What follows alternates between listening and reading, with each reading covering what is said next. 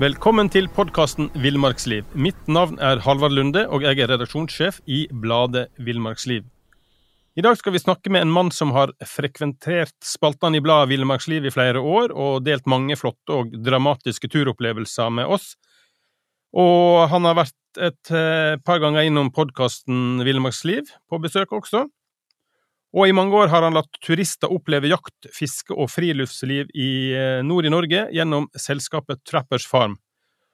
Og hvis vi kikker inn på TripAdvisor og ser på tilbakemeldingene der, så skriver folk eh, ting som 'a trip of a lifetime' og 'amazing' og andre fyndord. Så det er åpenbart at mange har hatt gode opplevelser sammen med deg, Kjell Harald Myrseth. Ja, takk skal du ha for de smigrende eh, velkomsten.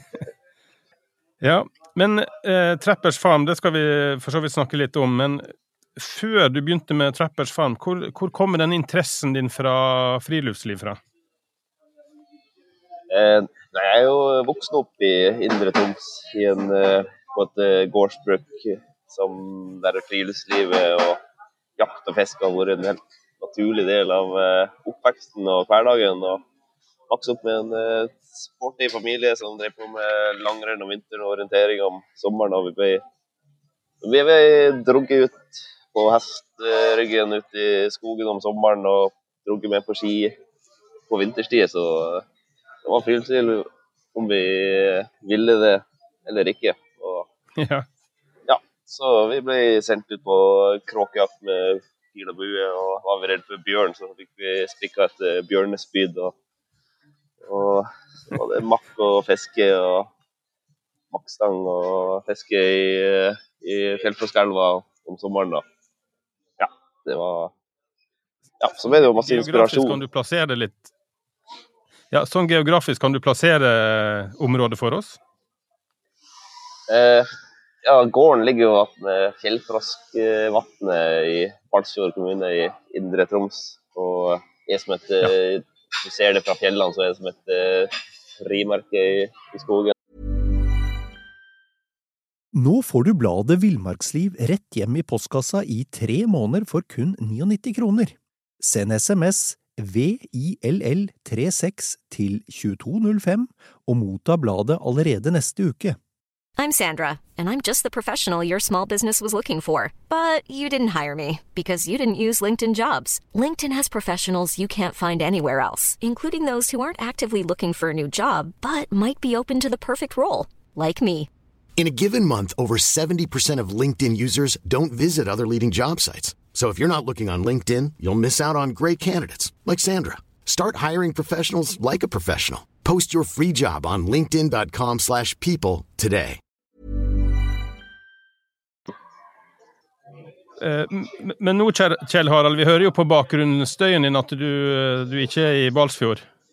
Hvor, eh, hvor, befinner du deg hen nå? Ja, akkurat i øyeblikket så befinner jeg meg i Mindelo på Kapp Verde, hvor vi har eh, befinner oss da på 16 grader nord. Så vi har seila, ja.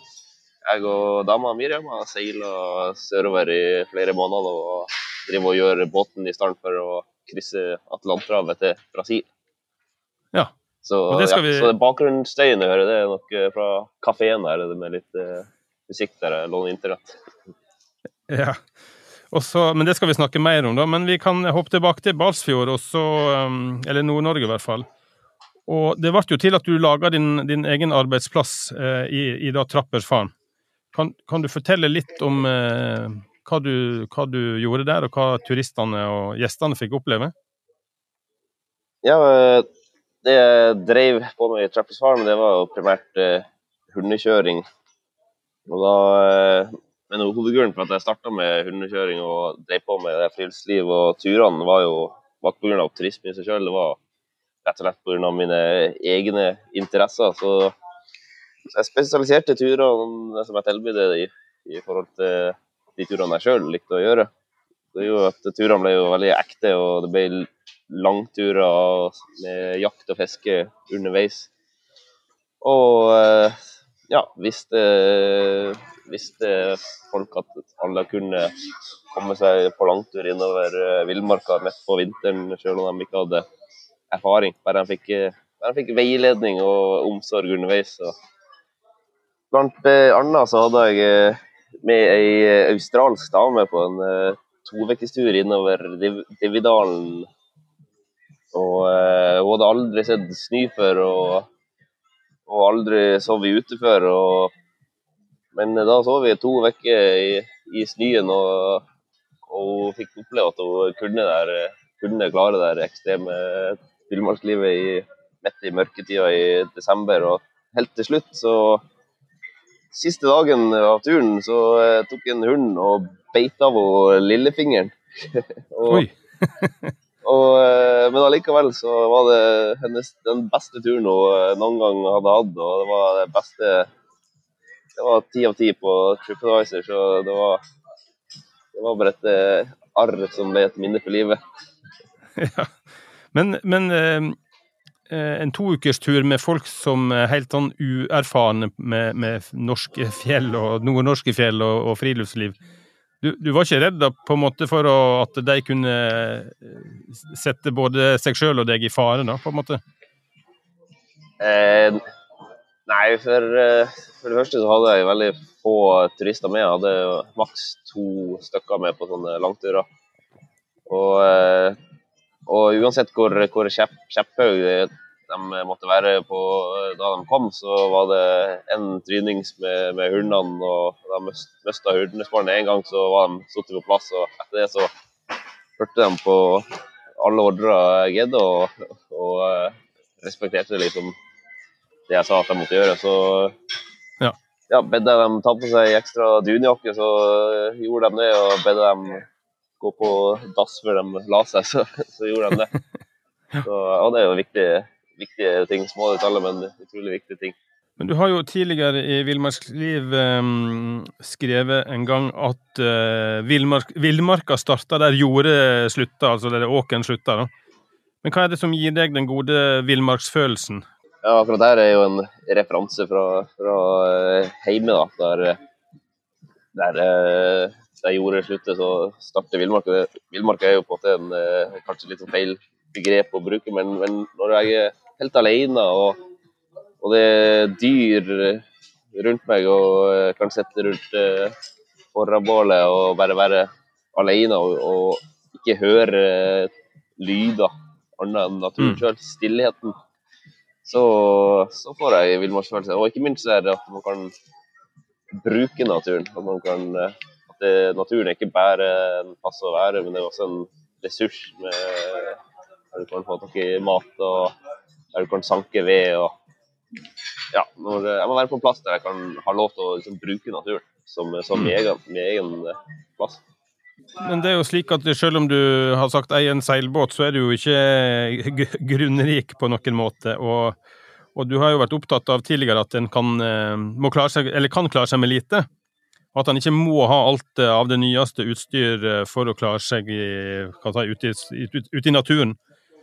Og blant annet lagde du en sak i Villmarksliv for litt siden der du overnatta en vinternatt med, med, relativt enkelt utstyr. Eh, kan du fortelle litt om den, ja, kall den en filosofi, da? Eh, ja, når jeg, var, når jeg var yngre, da, så var det ikke sånn. Da, da da pakka jeg gjerne tyngst mulig sekk og 30 kilo sekk for en liten helgetur. Og tok med meg til og med jernpanne fordi jeg mente at, eh, at fisken smakte best og den var stekt i jernpanna.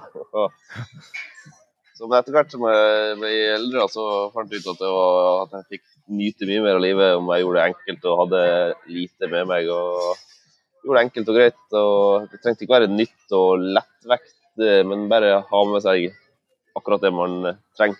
Så Det er jo ikke mye man trenger heller. På en, på en vintertur f.eks. så klarer man seg fint med en, eh, med en liten presenning og et tau og, og enkel eh, tresesongers sovepose med, med et pledd i, så har du jo liksom god nok sovepose for det, det meste. Og, og er grunnlaget litt for til, så, så hogger du litt granbar og einer og legger deg på.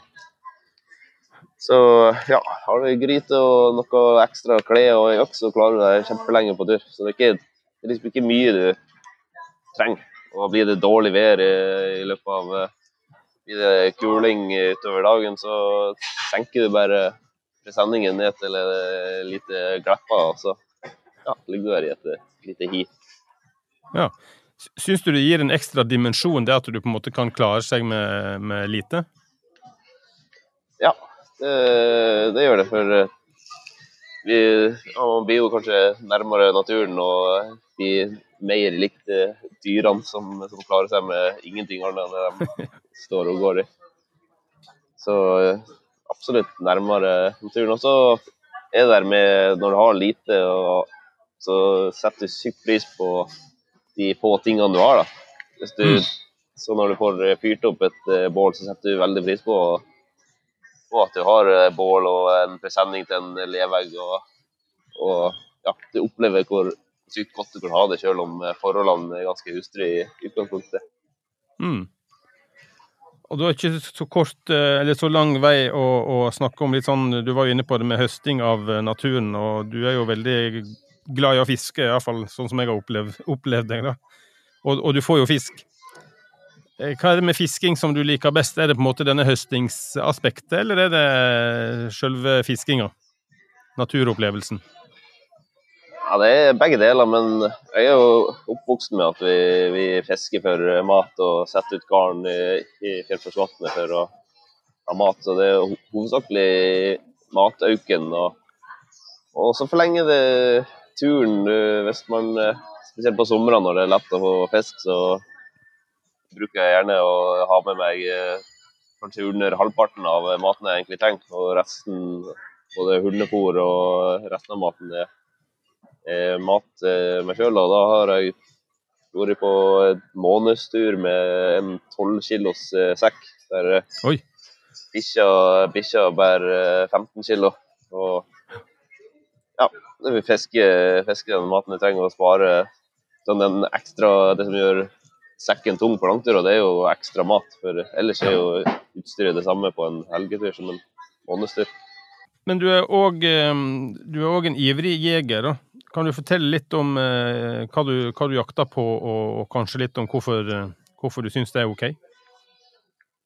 Eh, jeg jakter jo på mye av samme grunnene for eh, for uh, samme grunner som at jeg eh, fisker. Det er jo for, for mat underveis. Og, men selv om jakter småvilt på en langtur, så sparer du kanskje ikke så veldig mye vekt med skudd og børse og sånn. Men det er jo Du vet hvor uh, maten kommer fra når du jakter for din egen husholdning og du, dyrene har det godt. Og, jeg, og det er for meg som er vokst opp med jakt og fiske og gårdsliv, så er det helt naturlig å jakte. Men eh, ja, så det går nå i alt fra, fra jakte småvilt til rev og elgjakt. Og, men favoritten det må jeg si er revjakt. Men på toppen det det er harejakta ja. på øyen. Hva, hva, det kom av, da? At det er så eh, på topp? Eh, nei, det, det, er noe som er enkelt å få til jakt. Og så liker jeg å jeg er glad i å jakte rype og sånt, men eh, jeg liker å, når jeg først tar livet av et dyr, å ha en god middag av det og ha mye mat. Og ja. skyte en hare, så har du plutselig en og en halv kilo med kjøtt kontra mm. ei rype på noen 200-300 gram kjøtt. Så eh, ja, og så er det jeg synes det er sykt artig å klyve opp i fjellene og ura og, og lete seg fram på til haren, følge sporene. og og finne ut hvor han uh, har gjemt seg. Mm. Men, men, reven, den spiser ikke du? Nei, reven og, og kråkejakt og sånn, det, det, ser jeg på som uh, skattene jeg betaler for å jakte småviltet. Ja. Så det, det, er liksom av, av ja, ja, Forvaltning, vilt, kan vi kalle det? Ja. Viltstell og ja. Men det er jo veldig mange av, eh, av, de som tar jegerprøven, som aldri kommer seg på jakt, men som kanskje har lyst til det. Da. Har du noen tips for liksom de som sitter og, og, enten har lyst til å ta jegerprøven eller har tatt den, for å på en måte komme i gang med jakt? Uh, ja, jeg tenker det, det, beste er å gjøre ting enkelt, uh, som alt annet friluftsliv. og Du trenger jo ikke mye for å jakte heller. Har du ei ei hagle så kan du jakte det aller meste. Du trenger ikke eh, spesialrifle for ene tingen og spesialhagle for andre tingen. Har du ei hagle, så kan du jakte det meste. Og så begynner man med det som er enkeltjakt over åtejakt på rev, f.eks. Og Mm. kråkejakt rundt gårdene. Eller fjellrypejakt, der eh, rypa eh, ofte sitter sitter i ro. Så slipper Mm. å drive og evaluere om, om du kan eh, skyte et raskt skudd etter ei rype som eller en storfugl som flyr gjennom skogen. Mm. Begynner med, begynner med de enkle jaktformene, og så man blir bedre, og så utvider man horisonten og prøver seg på nye ting. Og ja, ikke minst være med andre erfarne jegere og, som kan lære deg ikke minst om, om sikkerhet og, og katter. For det, det, krever, det krever en del erfaring å i et halvt brøkdel av et sekund avgjøre om du kan slenge av gårde et hagleskudd etter en, en fugl som letter eller ikke. Mm. Og, så det er kanskje ikke der du, der du starter. Mm. Men du er, jo, du er jo ikke så Du høres ut som du har vært i fjellet i 100 år, men du er jo bare så vidt over 30 år, vel, til det jeg har funnet ut, og, men du har, og har så solid turerfaring. Har du, har du liksom samla noen sånne store øyeblikk som har brent seg fast i, i minnet ditt? Ja, altså det er mange mange av de langturene jeg har vært på, i den tida jeg bodde på Svalbard, som har vært store minner fra det. Men, eh, og for så vidt også sånne farlige situasjoner som når jeg har gått gjennom jeg har gått gjennom Melvisen et par ganger med både hundespann og med, med pulk og, og tippa med kano og litt sånn stryk og sånn. Men, men eh, jeg tenker det, all, det som har gjort mest inntrykk allikevel, det er det de små, eh, små opplevelsene som bare gir sånn intens indre lykkefølelse, som når, når det er et sykt tungt uh, skiføre og et tungt, eh, sykt tungt eh, snøføre, og du kjører hundene opp gjennom lia, og hundene bare lystrer deg på hver eneste ordre. Og, og du, de gjør akkurat det du skal. og da får du en sånn intens lykkefølelse som bare Du blir så stolt over hundene. og ja, Det er så små ting også. Ja, når du sitter Akkurat samme følelsen du får når du sitter god og mett attmed leirebålet og, og har eh, nettopp spist solid eh, røde måltid, eller Mm. Ja. Og så har jeg jo da har jeg noen spesielle turer som er Jeg har ei hytte, ei hemmelig hytte langt, langt inn i, i villmarka som jeg har kalt for Sunny Road slott. Ja. Og det er et sånn område der jeg hver gang jeg kommer inn i det området der som er utrolig ulendt og ingen nærmest setter sin fot, så får jeg òg en sånn lykkefølelse at det her er mitt, mitt land, liksom. Så er jo ikke det, men eh, jeg føler at det er mitt land, og, og at det, det er bare jeg som vet om plassen her. Og, ja. og hver gang jeg er der, så får jeg den der eh, Mm. indre lykkefølelsen. En, en kanskje mindre god opplevelse fikk du i, i januar 2018. Da var du i ferd med å avslutte et turprosjekt du kalte Fra pub til pub gjennom villmarka. Da været slo seg vrangt, og du holdt jo rett og slett på å stryke med. Akkurat den historien har du jo fortalt her på podkasten Villmarksliv tidligere, men, eh, men til glede for de som ikke har fått den med seg, så, så tar vi gjerne en kortversjon her. Ja, da var jeg da på en eh, langtur i desember i lag med en kompis som heter Lasse Kornmoff fra Narvik til Alta. Og halvveis på turen da, så måtte han eh, Lasse gi avbud på resten, og jeg fortsette alene. Og dagen før jeg skulle ankomme Alta, så, så ble jeg overraska over et skikkelig uvær oppe på fjellet. Der, eh, der det slo over til storm og etter hvert eh, opp i orkanstyrke. Og det her var et uheldig område med mye stein og veldig åpent terreng. Der det var lite snø i utgangspunktet. men jeg fant meg en skavl og grov meg ned og tenkte jeg var berga, som mange ganger før. Men eh, det jeg ikke visste, var at denne stormen skulle bli langvarig. Så, så, og stormen var så sterk at, eh, at den filte, filte all snøen eh, fra fjellet. Alle hardpakka skavlene eh, ble filt ned litt og litt. Så eh, til sammen så eh, bygde jeg meg fem smuler som etter hvert bare ble mindre og mindre. Så mer som skavlene krympa og krympa. Så, men til slutt da, så var det ikke et eneste snøkorn nærmest igjen på fjellet. Og, og det var bortimot to døgn siden stormen Nå får du bladet Villmarksliv rett hjem i postkassa i tre måneder for kun 99 kroner. Send SMS VILL36 til 2205 og motta bladet allerede neste uke. If you thought the only way to get a more defined jawline with natural looking results was through surgery, think again. Juvederm Volux XC is a non surgical injectable gel filler that improves moderate to severe loss of jawline definition and can help you achieve natural looking results with little downtime. Even better, this improved definition lasts up to one year with optimal treatment. No maintenance required. Improve jawline definition for a smooth, sculpted look with Juvederm Volux XC. For important safety information and to find a licensed specialist, visit juvederm.com. That's J U V E D E R M.com. Not for people with severe allergic reactions, allergies to lidocaine, or the proteins used in Juvederm. Common side effects include injection site redness, swelling, pain, tenderness, firmness, lumps, bumps, bruising, discoloration, or itching. There's a risk of unintentional injection into a blood vessel, which can cause vision abnormalities, blindness, stroke, temporary scabs, or scarring. Talk to a licensed specialist to find out if it's right for you. Startup. Men uh, heldigvis hadde jeg da kommet til det til steget for uh, en god stund siden at jeg måtte søke om hjelp. Og jeg hadde utløst uh, nødalarm. Og, og, en hel mm. diger redningsstasjon var satt i gang. så etter nærmere to døgn så klarte de til slutt å karre seg opp i, i fjellet etter mange tapre forsøk som, som kom de seg opp og, og eh, berga meg, da. Mm. Men det var nære på, egentlig? det?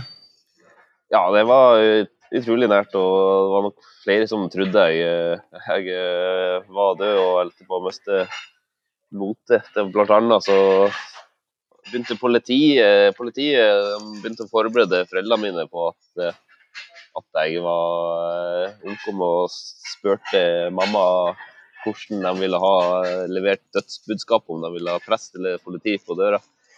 Så det var, det var noen tragiske scener som uh, utspilte seg uh, i sivilisasjon. Ja. ja, det er jo et bilde av deg der du, du er jo helt innpakka i en slags iskappe nesten foran eller rundt hodet, og du er jo liksom helt ja, nedpakka i snø, rett og slett, når de finner deg.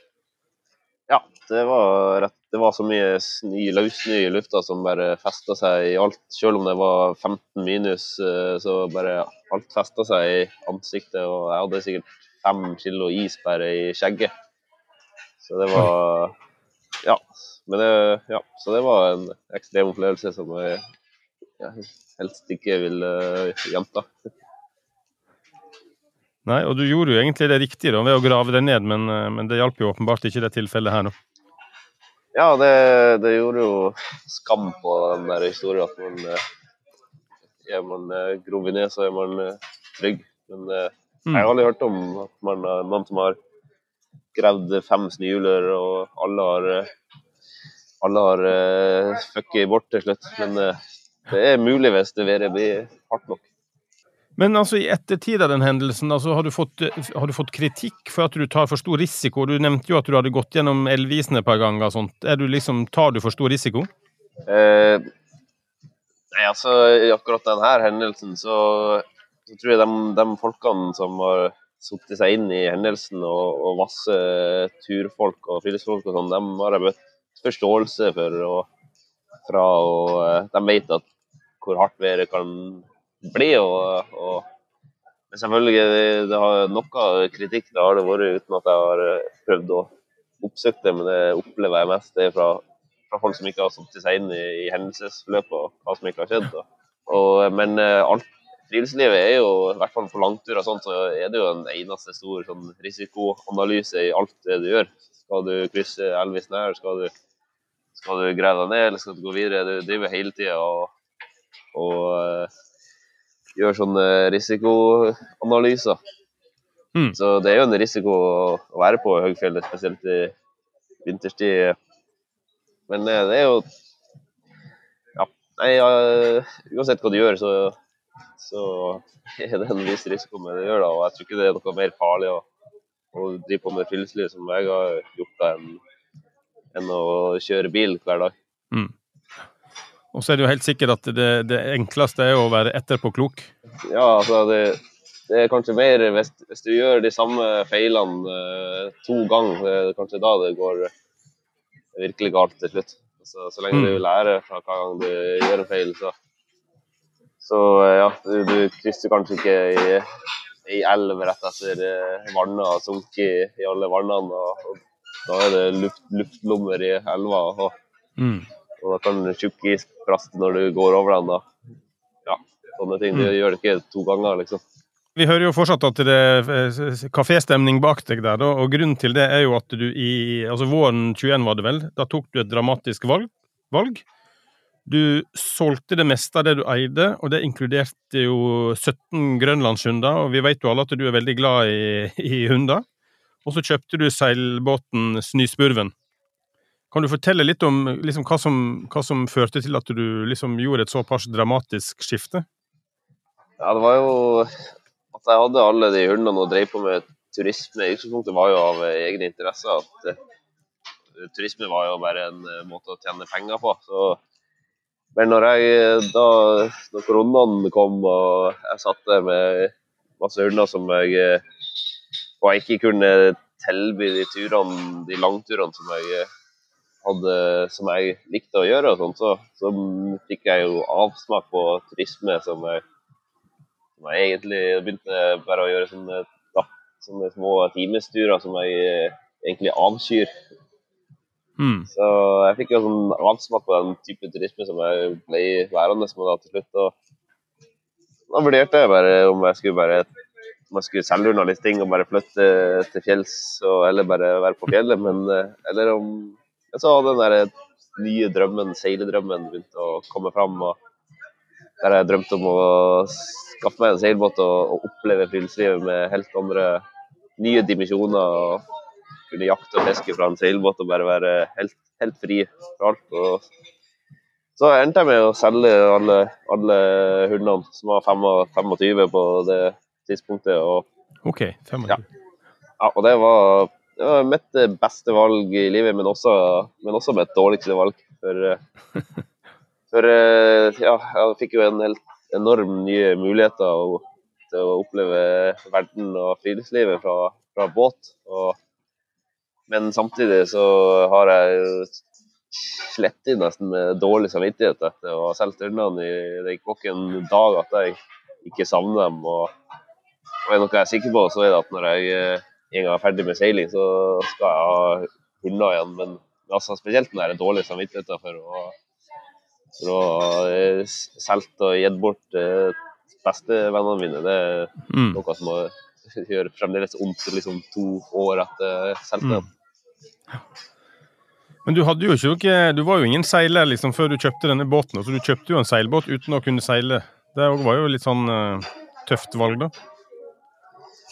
Eh, ja, kanskje, men, men seilinga i seg sjøl er jo veldig enkelt og praktisk og logisk. og Det handler jo bare om å være løsningsorientert og så res lære seg å respektere været på havet og ja, vite hvor mye seilføring du skal ha i dårlig vær og alltid ha reserveløsninger. Så, så jeg, jeg trekker veldig mye sånn lærdom fra fjellet og hvordan måten jeg tenker på fjellet til måten jeg tenker på havet.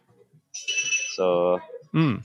ja, så det, det høres kanskje ut som et veldig stort steg, men, men for meg så var det største steget det var liksom å, liksom ja, liksom, tank, Tankegangen er det samme, men uh, selvfølgelig alt omgivelsene er forskjellige. Og mulighetene.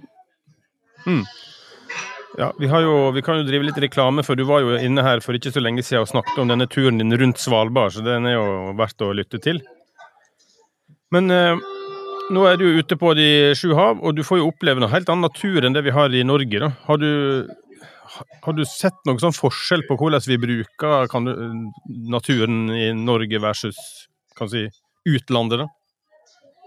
Eh, ja, absolutt. Altså, det, hovedforskjellen er jo kanskje at eh, i Norge, så akkurat som du sier, hvordan vi bruker naturen I Norge bruker vi jo faktisk naturen. Mens i utlandet her så er naturen mest til å se på, tenker jeg. Og gå, gå langs stiene. Og for, I Norge så kan du jo nærmest eh, gjøre, gjøre hva du vil i, i, skogen. Og kan gå ut for stiene og, og høste av, av, bær og vilt og fiske. Og, og så er jo nærmest alt, alt man I hvert fall eh, nedover Europa og nedover Afrika, der jeg har vært foreløpig på denne turen, så er det jo Alt er jo berørt. Mm. Og, eh, og, den allemannsretten eksisterer jo ikke på samme måte som i, i Norge. Så eh, du, hvis du slår opp et telt i en uh, avsidesplass her, så kan du allikevel våkne opp på morgenen av at noen sparker teltet. og vil ha det vekk. Ja. Hva med, hva med, dyreliv, da? Har du liksom gjort noen nye erfaringer når du har dratt vekk fra Norge? Eh, ja, altså selvfølgelig. Det er jo ikke, det er ikke like mye vilt dyreliv nedover Europa og i de delene av verden som jeg foreløpig har vært i. Men eh, det er kanskje hovedsakelig det er kanskje med fiske og sånn. Det er utrolig mye fisk i, i, Norge. Og når det kommer nedover Europa, så blir det, blir både, blir det både, mindre og mindre fisk, og, både i størrelse og antall. Mm. Eh, men nå når vi har kommet ned til sånn Kapp Verde og nedover Afrika, her, så begynner fisket å, å, ta seg opp igjen. Da. For vi har fått noen ja. fine eksemplarer av uh, Mai Mai, som er utrolig god matfisk og utrolig artig å fiske. Så mm. Det, det, er litt artig, ja. Men så, så, er det jo ting som her nede som ikke jeg er vant med. Tatt. Her er det jo hai i vannet, og det hjelper jo ikke meg som ikke er så glad i å ha det i utgangspunktet. Ja. Og eh, ja, så er det jo slanger og sånt på land, da. Og det er jo heller ikke noe jeg er vant til. Som, så det gjenstår å, å få noen uh, å lære seg litt om, om sånt. da. Så har jeg jo, men så har jeg jo også opplevd det når, selv om eh, naturen er eh, for så vidt ganske berørt og, og utforskende, så er det jo havet og under havoverflata er jo helt, en helt ny verden som er mye mindre rørt. Så jeg har jo begynt med litt sånn fridukking her og sånt, som er helt ah, ja. fantastisk ny eh, verden for meg. Så jeg opplever liksom en helt ny verden bare liksom rett på andre sida av vannskorpa. Men er det noe du Nå har du jo palmesus og, og, og, og sol det, det, Varme og sol dagen lang. Er det noe du savner fra Norge? Ja, det absolutt. Akkurat nå så får jeg sendt eh, bilder hjemmefra med snøstorm og, og snøkov og, og hundekjøring og sånt. Og, og, jeg må si at, at jeg, jeg savner Norge og snø og vinter og hunder og jakt og fiske eh, hver dag. Det gjør jeg. Men eh, så, så, vet jeg jo at jeg er på vei til andre plasser i verden der det, som er også er litt lik Norge, med fjell og natur. Og, og, eh, og, og, det er jo fantastisk å være her nede i, i sør også, med å ha badebasseng rett utfor, rett utfor båten. med 25 varmegrader i vannet. Så jeg nyter nå men jeg vet at det, det, er ikke, det, er ikke, her jeg hører hjemme. I, i, det kalde nord. Men Kan ikke du bare ta en liten sånn recap av denne her reiseruta di? Hvor du har, hvor du liksom fra du kjøpte snøspurven og hva du, på en måte, hva du har gjort? Ja, det kan du si Første året etter jeg kjøpte snøspurven, så jakta og fiska jeg langs eh, norskekysten i ett år. Og spesielt eh, mest oppe i nord i Troms og Finnmark og nord i Nordland. Så etter et års tid da, så, så flytta ei dame inn, Miriam heter hun. Og vi pussa båten, og så seila vi opp til Svalbard nå i sommer. og Sist sommer og seila rundt hele øygruppa da også. Og nå har vi jo seila sørover og er på vei, på vei mot uh, ja, vi har kommet oss til Kapp Verde og er på vei over Atlanteren om ikke om ei uke eller to. Mm. Hva som er målet med turen, da? Eh, målet for eh, turen, eh, det er Nei, altså, turen er målet i seg sjøl.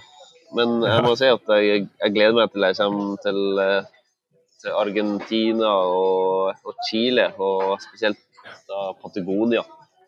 Ja. Som eh, når jeg kommer til Når jeg kommer til eh, Argentina, så sør i Argentina, så har jeg lyst til å ta en langtur, ordentlig langtur på noen måneder inn, innover uh, Andesfjellene.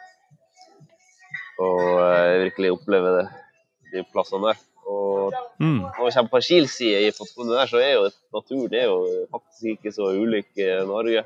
Og det er et område jeg gleder meg fantastisk mye til. Og jeg regner med vi kan få mye av samme opplevelsene som fra Svalbard og Norge generelt.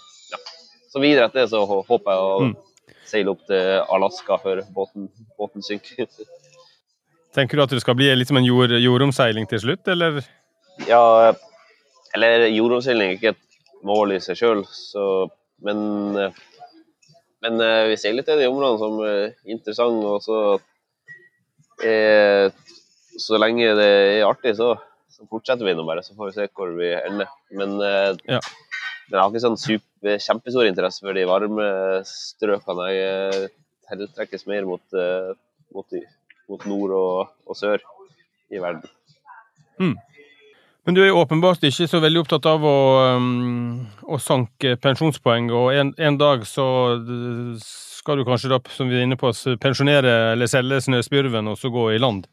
Har du, har du liksom begynt å tenke på hva ditt neste eventyr skal være? Um, altså, jeg har jo en, en drøm om å, om å starte opp uh, Om å skaffe en, en sånn Trappers Farm igjen. Og jeg kan ha en, en base i, i Norge der jeg ja, trener opp hundene og forbereder nye langturer. Det er jo liksom den store drømmen. Og så eh, ja, så får vi se. Men eh, jeg har jo lyst til å når jeg da får det her ideallivet så har jeg lyst til å bruke det virkelig til å få skikkelig gode hunder til å gjøre syke, kule, lange turer i Arktis. Og, men så har jeg også forankring i heimplassen en grunn til å komme tilbake og, og, eh, og leve gårdslivet og høste fra naturen og bry seg om nærområdet i nord. Så ja. Så hvis jeg da en, en eller annen dag kunne gå fra å skrive artikler til å skrive bøker og heller litt foredrag istedenfor istedenfor all den artikkelskrivinga, så eh, hadde jeg levd ideallivet mitt. Det er jo sikkert mange som tenker at det, eh, det høres ut som et veldig sånn forlokkende liv og har lyst til å prøve sjøl, men så er en jo, er jo eh, på en måte gjerne fastbunden i, på, på, på med både jobb og gjeld. Har du noen tips til de som har lyst til å liksom, tenke å leve et litt sånn fritt liv? Um, nei, et tips skal man si det Man må ikke tenke så mye på hva, hva folk skulle, andre skulle mene, og, og, og være så opptatt av å skaffe seg eh, penger før man gjør noe. Jeg har, jeg har nesten aldri på mine turer lagra meg opp masse penger for å så dra på tur. Hvis jeg hadde valget mellom å være én eh, måned jobb og én måned velutstyrt på tur, så har jeg heller valgt eh, to måneder på, på en tur med eh, gammelt, men godt velutbrukt utstyr. Mm. Så ja, bare man er på tur, og man bruker jo ikke mye penger og Nei, Man må kaste liksom samfunnsnormene litt bort, og ikke og heller bli sånn hva det indre, hva det indre stemmen din anbefaler deg å, å gjøre. Mm. Og, og ikke ha noen Ja, ikke lage deg noen regler, bare gjør følge strømmen, din egen strøm. Mm. Ja, det er et godt råd for deg som, eh, de som eh, tør det. Da tror jeg vi bare sier takk for praten, jeg, Kjell Harald. Ja, takk skal takk for